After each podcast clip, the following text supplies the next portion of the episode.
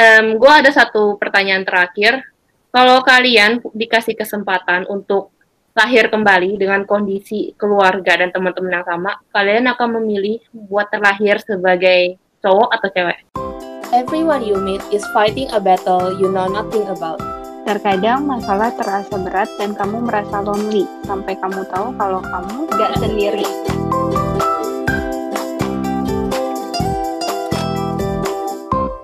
Yes, kita kan dari kemarin kayak ngebahas cewek mulu nggak sih? Kayak ngebahas stigma-stigma cewek, terus kita ngebahas Nelis.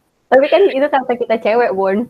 Iya, nah Aku boleh supaya agak balance dikit nih, mau nggak sih kita ngundang cowok lah? Bukan sebagai perwakilan seluruh pria di Indonesia dan di dunia, tapi lebih ke supaya kita dapat insight yang beda lah. Gimana sih jadi cowok itu gitu.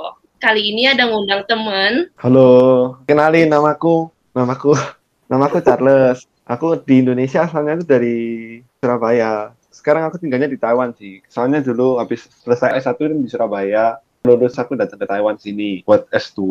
Terus sekarang udah lulus, terus sekarang kerja di sini. Nah, terus bisa kenal sama Feli itu karena kita satu gereja.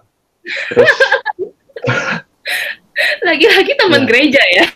iya, Feli pergaulannya di Taiwan gereja doang. heeh. Makasih ya Les karena kamu citra Iya. sangat di sini. Heeh.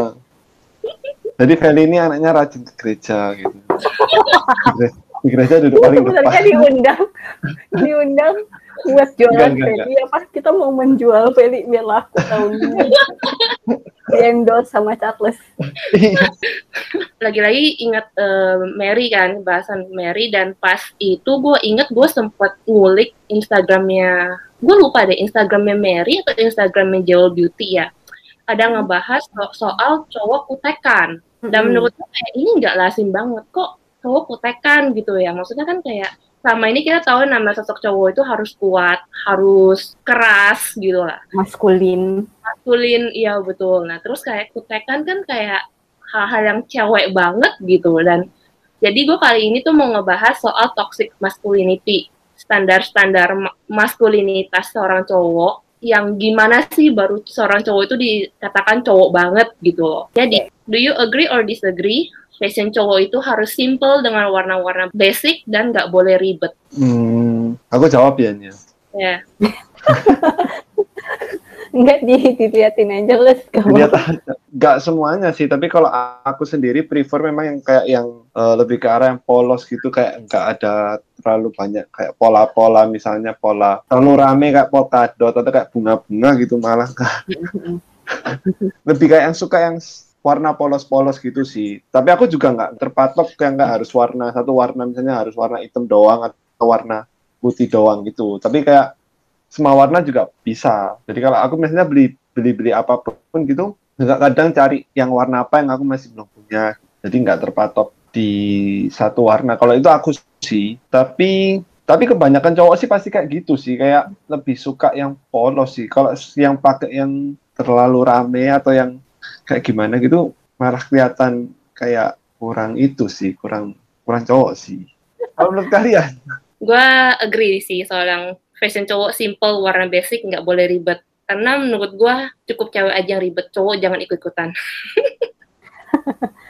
Kalau gue eh, disagree sih sebenarnya. Walaupun gue pribadi sebenarnya juga suka juga baju-baju yang polosan. Tapi kebetulan cowok gue nggak suka baju yang polos. Dia pengen minimal nggak polos plek lah gitu. Ada modelnya dikit di bagian kantong kah? Atau mungkin ada gambar apakah di bajunya. Dan pattern juga dia suka pakai baju yang pattern sih. Walaupun nggak pattern yang sampai norak bunga-bunga ya gitu daun-daunan lah tapi pattern gitu jadi kalau menurut gue eh enggak sih gue disagree kalau untuk yang ini gitu tapi kalau soal warna mungkin nggak sih cowok kayak make warna yang warna yang soft kayak pink muda Pink muda. Kalau aku sih nggak prefer Kuning. sih. Kuning. Kalau baju rumah sih nggak apa-apa. sih. fashion item nih baju warna apa yang menurut Charles tuh paling ngedreng yang paling ibarat kata paling udah di batas dikit lagi gue dianggap kurang cowok nih kayak gitu Pink sih kalau aku. oh tapi ada baju warna pink berarti ya Nggak, aku sih nggak ada, nggak ada yang pink. BRB ngecek. Iya, aku cek dulu ya. Pernah punya, kayak pengen-pengen coba kan. Tapi habis itu setelah pakai gitu kok kayak aneh ya. Terus habis itu nggak pernah pakai lagi sih. Tapi aku sendiri yang merasa. Tapi orang lain sih nggak pernah kayak bilang gimana gitu sih. Tapi kalau kamu pakai baju warna pink, kamu mau atau enggak? Enggak deh, pilih enggak. Kecuali kalau misalnya ada seragaman gitu, misal, lagi mau ada acara terus semuanya mau pakai pink ya mau nggak mau ikutan pakai pink. Kalau kayak gitu sih nggak apa-apa. Ada temen lah, kalau ada temen misalnya rame-rame gitu oke sih. Tapi kalau sendirian gitu kelihatannya enggak. Pakai baju pink berdua sama cewek lu pas Valentine. Oh itu nggak apa-apa sih. ada temennya. Gimana kalau soal make up? Mau nggak pakai make up? Make up enggak deh. Soalnya cowok emang nggak perlu sampai make up yang gimana. Eh, Cowok semakin kelihatan kotor semakin kelihatan cowok. Jorok namanya. berani kotor itu baik. iya. Iklan baju ya. Enggak, enggak, Kalau- enggak, enggak. Enggak lah, kalau make up sih lebih enggak ya. Make upnya make up apa? Kayak sunscreen sih, gua rasa tetap dipakai ya. Kalau Ya, lagi eh, panas-panasnya, masa lu nggak pakai Kayak cuci, sunscreen gitu? kayak cuci muka atau apa gitu, Ah, itu ah. termasuk make up enggak. Terus Tapi kalau make up yang misal sampai pakai bedak, terus harus pakai apa gitu, lipstick. lipstick Kalau apa enggak lagi biasanya kalau di Taiwan lagi musim dingin itu ada kayak apa sih? Cap lipstick gitu nggak sih yang ah lip balm? Pakai kan tapi Lip balm pakai, tapi kan lip balm enggak ada warna terus yang maksudnya sampai mencolok gitu kan. iya. Masih oke. Berarti anggapannya kalau skincare itu acceptable, make up yang berwarna yang naruh warna-warna ke muka, ke badan itu kurang. Iya, itu enggak enggak setahu enggak ada cowok yang pakai make up sih, kecuali cowok-cowok Korea mungkin. Gue baru mau nyebut iya. Tapi sepengetahuanku ya kalau cowok-cowok Indo terus teman-temanku sekitar nggak ada sih kalau pakai make up. Kecuali kalau misalnya ada acara apa ya, kayak mau tampil atau konser gitu mungkin. Hmm. Biasa sih pakai make up. Tapi kan juga buat masuk di kamera atau apa gitu doang supaya kan bagus kan. Tapi kalau misalnya pergi jalan-jalan doang atau pergi ke pesta nikah gitu aja pun nggak. Cowok itu belakangan ada beberapa yang gue lihat pakai anting ya, yang ditindik gitu. Oh, Ah, ah. Kalau menurut Charles gimana? penting ya. Kalau aku sih enggak sih. Soalnya gimana ya? Enggak menambah value juga sih pakai anting. Ya kalau pakai anting itu ya pertama kayak apa ya?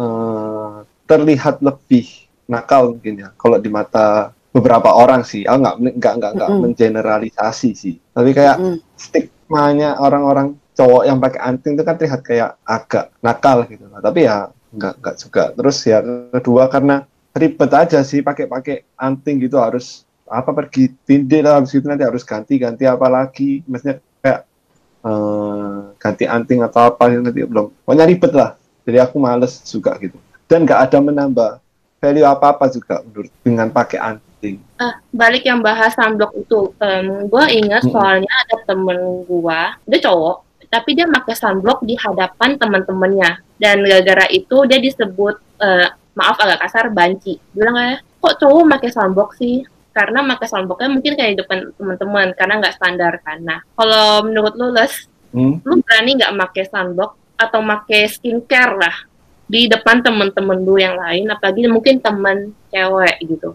kalau sunblock oke lah masih kan emang itu bikin protection atau apa gitu maksudnya bukan yang khusus untuk cewek cewek doang kalau menurutku sih kayak gitu saya kan cowok juga mau putih kan nggak mau terlihat denger. aku aja di proyek nggak mau terlihat gosong pakai baju lengan panjang pakai pakai sunblock dan lain-lain.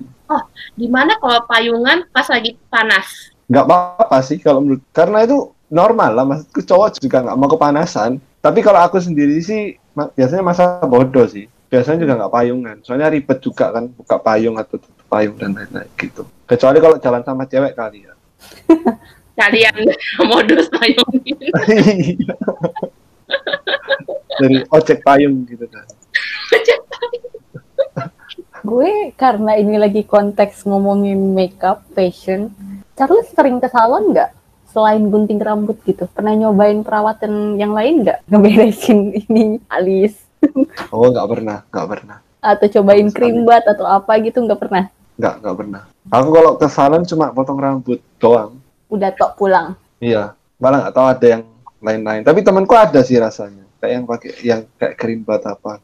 Pernah tahu, pernah tahu, tapi nggak tahu detailnya kayak apa. Tapi kalau yang teman-temanku serumah ini juga juga paling cuma potong rambut doang. Tapi emang ada apa aja ya kalau kalau buat cowok di salon? Ada mani pedi, ada cream bath, ada hair treatment, ada keratin treatment, lagi yang Tapi kalian Sebenarnya kalian pernah nggak kalau ke salon terus lihat cowok kayak gitu? pernah di Taiwan. gue pernah mani pedi. Akong gue, Oh, aku ya kalau akong gue dia mani pedi karena udah tua kali ya susah gunting kuku gunting tangannya sendiri sama oh, kukunya. akal. Jadi dia mani pedi gitu. Kalau gue di Taiwan liatnya masih muda sih. Tapi sebenarnya lebih ke Charlesnya nggak tahu ada jasa kayak gitu dan kayak ya ngapain gue bisa gunting kuku tangan dan kaki gue sendiri kok? Ngapain harus ke salon? Lebih ke kayak gitu? Atau sebenarnya lebih ke kenapa nggak dicobain dulu? Siapa tahu nanti nagih. Tapi kayak nggak tahu kalau ada kayak gitu. Sekarang udah tahu pengen nyobain nggak? Nggak juga. Buang-buang waktu aku mending habis potong rambut mending pulang ke rumah terus ngelaku- ngelakuin sesuatu yang lain. Kayak ngelakuin hal-hal yang tadi kamu sebutin itu butuh waktu gitu loh. Iya. Jadi daripada aku ngabisin waktu di salon buat ngelakuin hal-hal kayak gitu ya, mending aku ngelakuin di rumah hal yang lain. Kayak nonton YouTube atau apa. Sama nggak bergunanya. Tapi seenggaknya kan ya Seenggaknya gitulah. ini nggak dilanjutin nih seenggaknya apa ini? Oh, kalau cowok itu biasanya pakai masih semir lah, semir rambut. gel semir baku bahasa Indonesia banget bukan kayak orang gel gitu Oh, ya. di warna, di warna. Kal oh color ada yang di warna rambut. dicat Heeh. Eh, mulai merasakan culture shock ya di sini di antara Jakarta dan Surabaya. Kita samain bahasa dong. Dicet, dicet. Cat rambut. Tolong Vel, terjemahkan bahasa Jawa bahasa Jakarta yang baku dan benar. Dicet, dicet, dicet. Oke. Oke, dicet. Oh enggak enggak, dicet lah, dicet rambut, dicet rambut. Kalau cat rambut aku masih sering lihat, cowok. ada lagi stigma yang laki-laki itu harus tinggi dan berbadan besar agree or disagree disagree. Karena menurutku postur tubuh kan udah dari sononya kan nggak bisa diganti juga. Kalau misalnya emang dikasihnya pendek dan dan badan kecil tapi dia pinter atau apa gitu kan ya ya nggak nggak masalah juga sebagai laki gitu. Ini gue penasaran standar tingginya cowok Indo itu berapa ya? Kayak minimal di atas berapa baru dihitung tinggi gitu. hmm, Hmm, nggak tahu nggak ada sih nggak ada standar sih. Gak tahu kalau aku gini tinggi atau enggak nggak tahu sih. Kamu tinggi sih, Les. Itu termasuk tinggi ya. Di aku 175 mungkin mungkin 165 ke atas kali. bisa jadi Soalnya kalau di Taiwan itu standar tinggi cowok dihitung tinggi kalau udah di atas 180. oh wow Oh iya. 180 geng gua kalau ngomong apa udah nenggak kali ketinggian kalau itu. Ya tapi gitu di sini tuh namanya cowok itu harus di atas 180 dan harus nge-gym. Jadi kayak badannya harus keker, yang apa pundaknya lebar segala macam semua gitu. Tapi Les, Oh. lu waktu kecil ada kayak apa ya supaya uh, nambah tinggi kayak ada minum obat apa nggak apalagi Oh kayak ada, ada. Tiba nggak tahu sih namanya. apa, Tiba-tiba dikasih sama mamaku minum ini gini ya. Oh iya iya iya iya gitu nurut aja. Tapi nggak tanya itu apa. Scott and motion mungkin ya. Kok Oh itu out. itu minyak ikan kalau nggak salah deh Pokoknya waktu orang-orang bilang masa pertumbuhan lagi lagi apa namanya? Lagi cepet-cepetnya nah terus langsung dikasih sama mama. Ayo minum ini supaya cepet tinggi. Tapi juga nggak bisa di gitulah kan soalnya manusia kan ada gen kalau emang dapat apa gennya pendek-pendek semua kan di biologi dulu kan kalau kecil sama kecil pendek sama pendek ketemu kan berarti kemungkinan besar keluarnya pendek. Jadi pelajaran biologi apa? Iya. Gue pernah yang itu ketemu itu juga tuh apa namanya perkawinan genetik. Ya habis ini keluarlah hukum Mendel ya. Mungkin si Feli lebih profesional dalam hal ini. Tidak saya tidak kalau lu Kes lu agree or disagree kalau cowok itu harus tinggi dan berbadan besar gue pribadi pencari yang tinggi gimana dong lebih tinggi dari kamu ya at least ya karena gue pendek Jadi harus ada kemungkinan anak gue harus tinggi. Jadi gue mencari gen yang tinggi gitu sih sebenarnya. Pembahasan kita mengarah ke arah gen. Kalau siapa yang mau mulai duluan ini? Eh, lu Bon? At least tingginya sama lah sama gua. Kalau bisa lebih ya oke, kalau enggak ya seenggaknya sama. Nggak tahu ya mungkin karena nyokap gua nggak tinggi-tinggi banget kan. Jadi kayak kayak Charles juga, jadi gua waktu kecil juga dikasih minum obat herbal itu juga biar tinggi. Terus kalau misalnya kayak ketemu orang tinggi, nyokap gua kayak bilang, eh lihat deh itu tinggi loh. Eh, terus kayak nyuruh gua biar cepet tinggian juga. Terus bilang kalau kalau gua nggak tinggi, ntar kasihan kalau dapet cowok yang tinggi juga, gua ke mana-mana harus pakai high heels segala semua. Makanya gua kayak gua kalau bisa mencari yang tingginya nggak terlalu tinggi juga, tapi ya minimal setinggi sama kayak gua gitu lah. Gue enggak tuh cowok gue lebih tinggi satu kepala. Gue kayak sepundaknya doang. Gue tetap jalan. Nggak pakai high heel, bodo amat. Oke lah, kayak tapi maksudnya yang kayak jangan yang jomplang banget lah. Itu masalah pemain basket NBA kali. Oh iya, dulu sama dulu kalau misalnya waktu kecil gitu disuruh kayak sering-sering ikutan basket gitu atau apa gitu supaya tinggi. Oh iya. Tapi aku sih enggak sih. Renang sih dulu ya pernah cuma pernah les doang tapi bukan yang kayak aku hobi olahraga renang. Tapi karena aku renang aku ngefek jadi kayak sekarang atau enggak juga nggak tahu. Atau karena obat itu. Kalau kalian prefer maksudnya kayak cowok badannya harus sampai berotot gitu atau enggak enggak perlu. Enggak. Pokoknya sehat gitu ya. Iya, yang penting Enggak sehat. sakit-sakitan gitu ya. Mm-mm. Dan nggak kegendutan. Maksudnya nggak obesitas lah gitu. Kalau gendut ya nggak apa-apa, tapi jangan sampai level obesitas. Oh, berarti harus cek kesehatan dulu berarti ya, Van.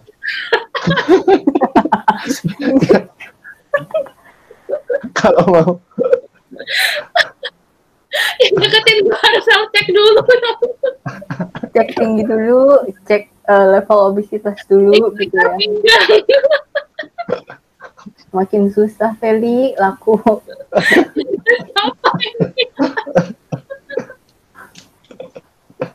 Bener-bener. Cowok itu harus bisa ganti ban sendiri. Agree or disagree? ban mobil ya nih ya. Ban ya.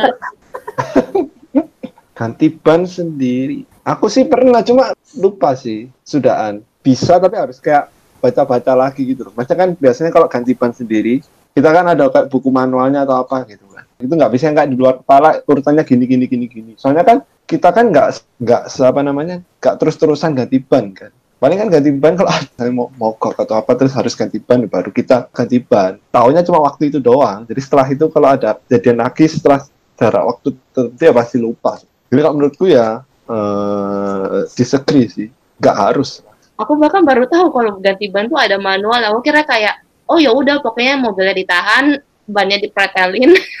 Oh itu buku manual untuk dongkraknya sih, tapi nggak ada. nggak ada kayak yang langkah-langkah untuk mengganti bannya gitu nggak ada itu cari di internet sih kalau itu Wiki how.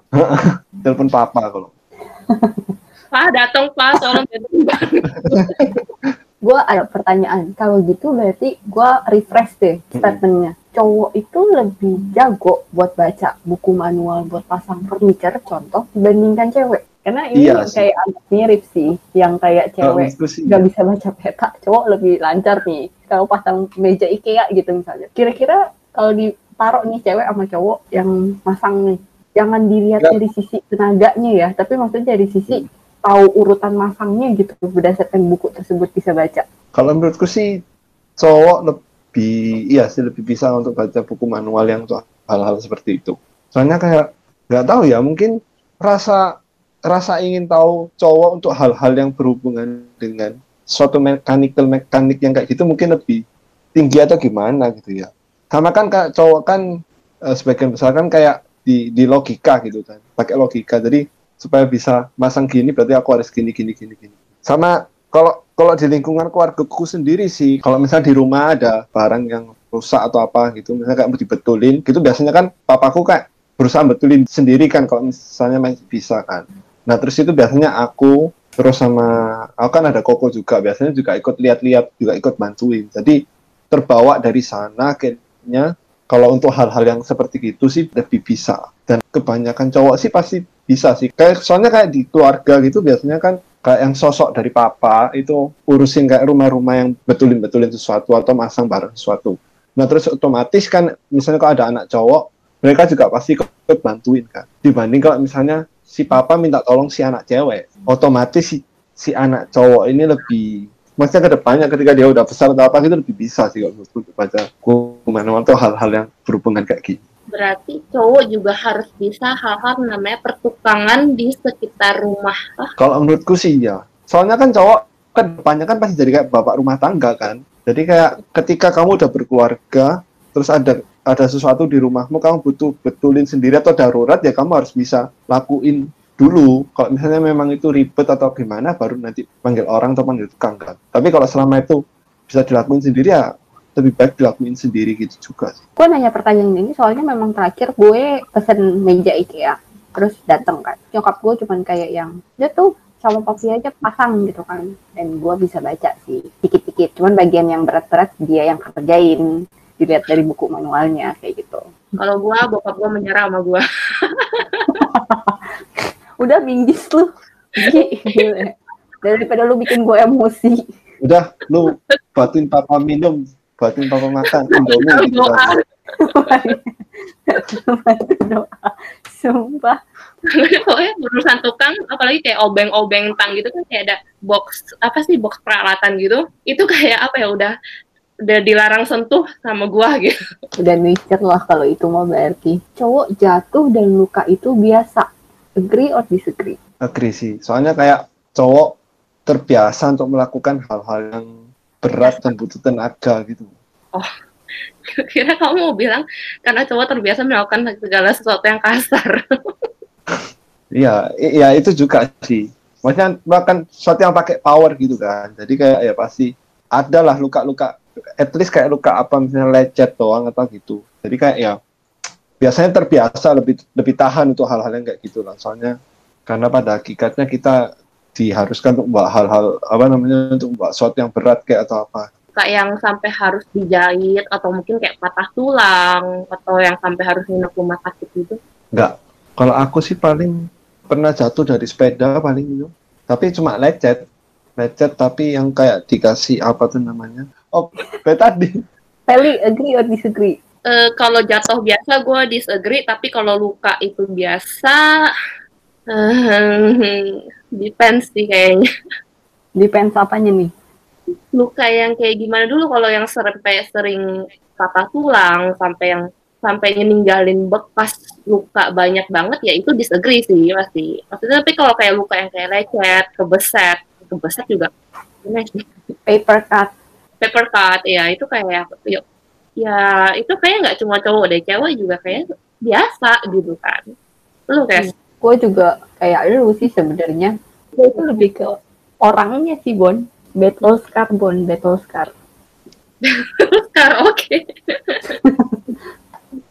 Kita semua pernah sekolah pernah dong nulis nulis dan menurut gua tulisan cowok itu selalu jelek. Berantakan. Feli nyebut jeleknya nafsu banget. Jelek. Iya. Punya pengalaman kali ya. Kalau aku disagree, saya tulisanku bagus. Wah, Wede.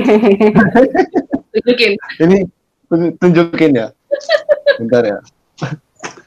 sebenarnya menurut gua kalau Iya. masih bisa aku baca gitu itu tulisan apa itu masih terhitung bagus kalau udah bener-bener gak bisa kebaca sampai disingkat singkat dan dia sendiri nggak tahu itu singkatannya apa nah itu baru di level jelek gitu menurut gue takut estetik juga lah sebenarnya Enggak sih, kalau menurutku tulisan cowok lebih jelek tuh nggak pasti sih kalau menurutku. Tergantung orangnya juga sih. Ini mamaku yang bilang, waktu aku latihan nulis, kalau setiap tulisanku itu jelek, atau apa gitu, biasanya sama mamaku disuruh tulis ulang lagi. Jadi kayak latihan terus gitu sampai lama-lama jadi bagus. Jadi akhirnya ya terbiasa waktu udah gede, ya tulisannya at least rapi gitu lah. Maksudnya, kalau aku sendiri melihat tulisanku nggak bagus, ya aku hapus lagi, tip X. Terus aku tulis ulang. Sama tadi hukum saya berjanji akan mengerjakan PR dan mengumpulkannya tepat waktu Oh, terus ditulis ulang-ulang gitu atau pasti Iya iya iya iya. Itu juga ngefek loh. Tulisan bisa jadi bagus. terus makin jelek Saya tam, sudah semakin malas gitu ya. yo Udah jelekin aja tulis. Awal-awal masih bagus gitu mungkin tambah semakin ke bawah semakin jelek. Tapi ya itu sih balik lagi ke tiap orangnya mungkin kalau yang tulisannya jelek itu mungkin waktu kecil dia tulisnya jelek dan dia merasa tulisan jelek itu yang normal kayak gitu. Terus gak ada yang kayak yang ngasih tahu jangan kayak gini nulisnya yang bagusan dikit gitu gak ada atau mungkin papa mamanya juga tulisannya bukan yang kayak tipe rapi. Jadi waktu anaknya tulis jelek ya sudah dibiarin. Tapi tapi kalau sebagian besar tulisan cowok jelek iya kelihatan Eh, mainan cowok itu mobil atau bola atau robot. Pokoknya boneka itu adalah mainan untuk cewek. aku sih agree Aku disagree. soalnya waktu kecil nggak dikasih mainan boneka sih terus aku lihat temenku yang cowok yang lain nggak ada yang main boneka juga paling boneka Boneka Chihuahua. nggak ada juga sih Jadi Chihuahua itu tuh kayak apa machine kan? Itu loh yang ngambilin boneka, yang apa gerakin kayak pegangannya terus buat ngambil boneka gitu. tapi nggak harus juga main mobil atau bola juga kan ada lagi yang lain kayak main robot-robotan Ma- eh masak-masakan masak-masakan enggak Main dokter-dokteran. dokter-dokteran aku nggak pernah main sih dulu ya main Jadi kartu kali Terus kamu masih berapa terus pertama kali mulai main kartu? Coplek. waktu kecil udah waktu kecil udah diajarin main kartu Terus yang kalah minum berapa? soalnya dulu aku nggak dibiasain main boneka memang Tapi itu karena di keluargamu anaknya itu cowok semua nggak sih? iya Ya, kayaknya yang di keluarganya anaknya cewek semua, kayak ada mobil-mobilan, nggak atau robot-robotan di rumah. boneka semua ya kalau cewek Gue ingetnya gue dulu suka boneka Barbie. Masak-masakan masih ada lah. Kayak rumah-rumahan masak-masakan, dokter-dokteran ya masih ada lah. Tapi yang nggak ketemu ya robot, mobil, kayak gitu-gitu nggak ketemu sih gue. Berarti lu agree kah kalau cowok itu mainannya mobil bola robot, bukan boneka? Hmm, kalau menurut gue lebih ke tergantung lingkungannya gitu nggak sih si anaknya ini? Karena ketika lu masih kecil kan boneka yang lu mainin ya adalah yang dibeliin sama orang tua lu Mm-mm. gitu. Dan kalau orang tua lu udah ada persepsi ya kalau cowok yang mainnya mobil yang kayak gini gitu. Mm. Kalau yang cewek ya mainnya yang kayak gini mungkin lebih ke ini sih ke dari orang tuanya yang udah kasih kayak gitu. iya kalau menurutku juga itu benar sih tapi yang jadi masalah biasanya kalau anaknya cowok sama cewek sih Nah, itu Feli tuh tuh, Feli tuh gimana Vel? Eh, ya gimana Fel adikmu dulu sering main bonekamu nggak Wah diilangin. Lebih ke kayak kita bisa nge-mix mainan kita sih. Jadi kayak oh. ya gua dengan Barbie gua, dia dengan mobil-mobilannya. Terus kayak yang Barbie gua bisa naik mobilnya dia, mobilnya dia juga bisa jadi pakai Barbie gua buat jadi penumpangnya segala macam semua. Terus kayak kalau main rumah-rumahan kita juga sering main bareng sih gitu. Jadi gua disagree sama statement ini. Iya, mungkin karena bener tadi, tergantung lingkungan dari keluarga sih. Iya. Tapi si Felix sering Hmm. mainin boneka sendiri gitu atau enggak? Maksudnya Oh. kayak dia bakal mensampingkan mobil-mobilan dia dan yang lain itu terus dia mak- main cuma boneka doang. lebih ke ya karena kita nge-combine mainan kita bareng, mainnya ya bareng-bareng sih. Oh, Terus juga kita bakal lebih ngutamain mobil-mobil dia sih, karena kan apa ya semua mainan mobil di rumah itu semua atas nama dia gitu. Itu hak miliknya dia, hak kekuasaannya dia gitu lah. jadi lu nggak boleh pegang-pegang mainan dia. Katanya kalau aku yang pegang lecet, nggak boleh. Sampai sekarang ya, Fel. Gak boleh pegang laptopnya dia. boleh kok, boleh. Oh, boleh. Gak boleh ke rumah dia. Itu kalau covid mas, Oh, i- oh, kira dia sampai segitunya. enggak lah. Cowok nggak bisa masak Disagree. karena lu juga jago masak sendiri ya. Secara di Taiwan sendiri minimal survival 101 sih. Indomie sih bisa lah. Selain Indomie, masakan selain Indomie apa? Nasi goreng. Paling- Paling susah ya? Hmm. Oke, paling susah rawon bumbu jadi. deh. Kalau bumbu jadi mah gampang. Kalau bikin rawonnya sendiri susah kuahnya mungkin. Bumbu jadi juga gue bisa. Jadi juga susah. Temanku bisa masak, teman serumah. Makanya kamu nggak bisa masak juga ya nggak apa-apa ya. Tinggal ikut urunan gitu. ikut patungan kalau bahasa Jakartanya. Tapi tapi apa namanya? Aku juga bisa lah masak, bukan yang eh, nol maksudnya nggak nggak tahu sama sekali bagaimana cara memasak, bagaimana cara menyalakan kompor, bagaimana cara kayak masak nasi kalau aku bisa masak nasi. Kalau Feli gimana Fel? Lu sebagai cewek yang tinggal sendiri di Taiwan, Kalau- masak lu apakah lebih baik? Dibandingkan saat di Indo, iya. Karena di Indo gue nggak bisa masak sama Ya, sekali. iya pasti. Maksud gue dibandingin sama Charles deh anggap. Oh, aku lebih bisa. Jadi lu Kita battle aja gimana? gue mungkin lebih ke kalau buat masak buat gue sendiri ya bisa lah gitu. Tapi kalau buat dibagi ke orang lain enggak Nggak. sih. Pede. Aku sih lebih kayak apa ya? Ribet sih kalau masak. Aku lebih kayak males males siap-siapin untuk masaknya, terus males bersih-bersih untuk masak. Lebih ke arah situnya sih. Tapi kalau misalnya aku lagi kepingin terus maksudnya lagi ada niatan buat mau masak gitu atau apa gitu biasanya ya oke buat masak ya, tapi nggak tapi harus baca resep atau apa-apa gitu sih. Apalagi kalau rame-rame lah lebih lebih oke gitu. Maksudnya kayak ada yang bareng-bareng ada bantuin. Tapi kalau misalnya aku harus sendiri masak buat makan sendiri lebih enggak soalnya ribet. Ya males. Berarti di momen apa yang kamu akan masak untuk kamu sendiri? ketika semua toko makanan tutup. Tengah malam dong. tengah malam? Enggak dong tengah malam masih ada 7-Eleven waktu apa liburan? Chinese New Year gitu misalnya. Oh, terus iya. ketika semua tutup gitu. Nah mungkin ada kemungkinan buat masak. Tapi kalau selama masih ada yang buka aku lebih prefer untuk pergi makan di luar daripada masak. Bahkan saat covid kayak begini? Lebih prefer makan di luar sih. Soalnya ribetnya tuh yang males. Karena masak itu bukan hobiku Masak terus nyuci. iya masak plus nyucinya misalnya tiga jam gitu makannya cuma 10 menit. Itu lapar atau rakus? Nah eh, ngomongin soal toxic masculinity semuanya kayaknya bakal pasti ngebahas kalau cowok itu harus kuat cowok nggak boleh nangis. Kalian agree or disagree sama statement itu?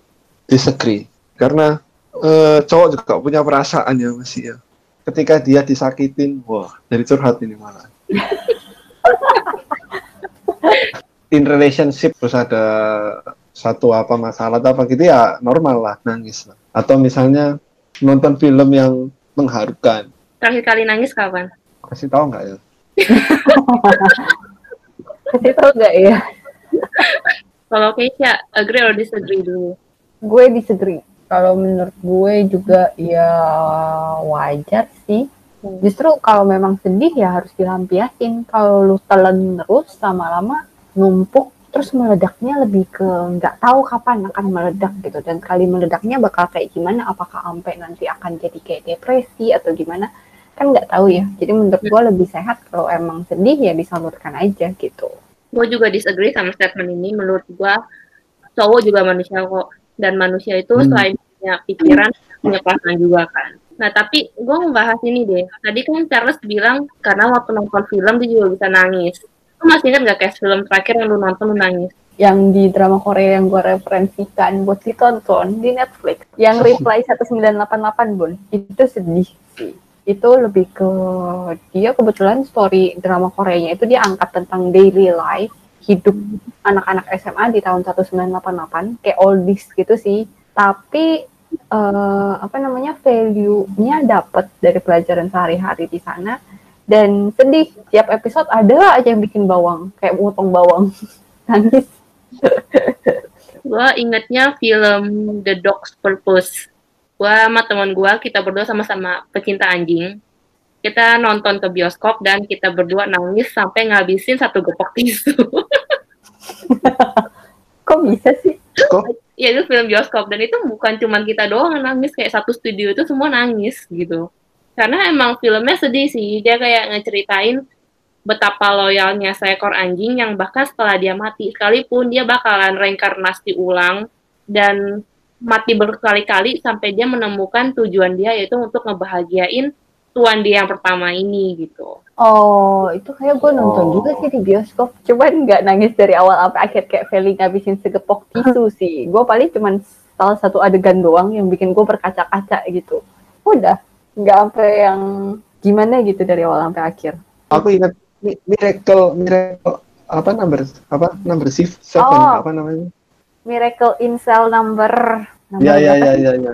Itu mengharukan. Tapi nggak sampai yang nangis sesuatu menghabiskan sekepok tisu sih. itu aja terus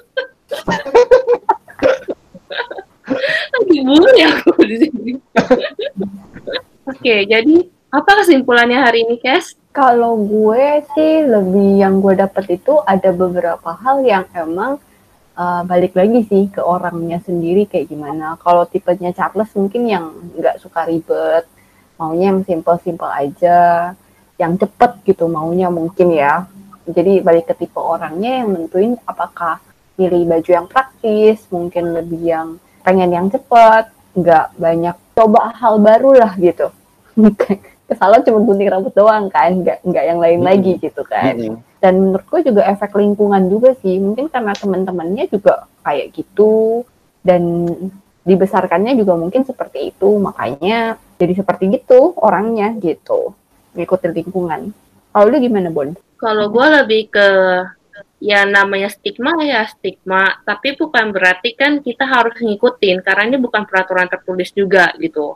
Dan menurut gue ukuran seorang cowok itu cowok enggak melulu harus ngikutin apa kata orang gitu. Karena kalau lu terakhir sebagai seorang laki-laki dengan segala jenis alat kelamin dan kekuatan dari Tuhannya kayak gitu biar gimana pun juga kamu tetap cowok gitu walaupun misalkan kamu milih untuk menangis atau kamu milih untuk suka warna pink, kalau kamu cowok ya kamu cowok gitu.